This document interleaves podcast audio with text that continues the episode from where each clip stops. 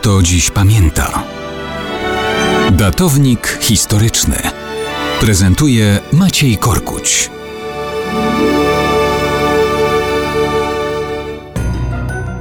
Mało kto dziś pamięta o pamiętnym ślubie, do którego doszło 7 albo 24 lutego 1422 roku w kościele Przemienienia Pańskiego w Nowogródku. Na ślubnym kobiercu stanął król Polski Władysław Jagiełło i młodziutka Zofia Holszańska. Data dzienna nie jest tak ważna jak proste stwierdzenie. Możliwe, że bez tego ślubu w naszej historii byłby Jagiełło, a nie byłoby Jagielonów.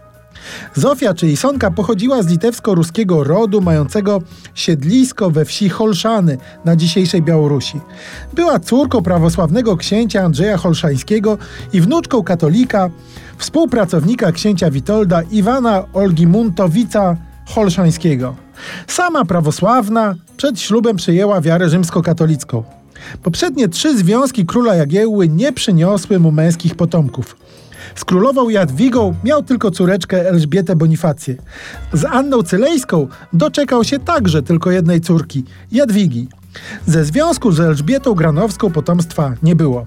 W chwili ślubu wielokrotny wdowiec Jagiełło miał lat 71. Sonka 17. Istniało przekonanie, że młoda żona zapewni królowi potomstwo. I tak się stało. Po dwóch latach z okładem narodził się syn Władysław.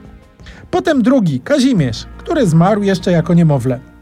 Pod niektórymi względami świat się nie różnił od dzisiejszych czasów. Szybko pojawiły się plotki o niewierności małżeńskiej młodej żony. Sprawą musiał się nawet zająć specjalnie powołany do tego sąd. Plotki ostatecznie rozgoniono, a podobieństwo trzeciego syna, temu również nadano imię Kazimierz, do ojca sprawę definitywnie zamknęło. W ten sposób w naszej historii znalazło się zarówno miejsce dla Jagiełły, jak też dla Jagiellonów.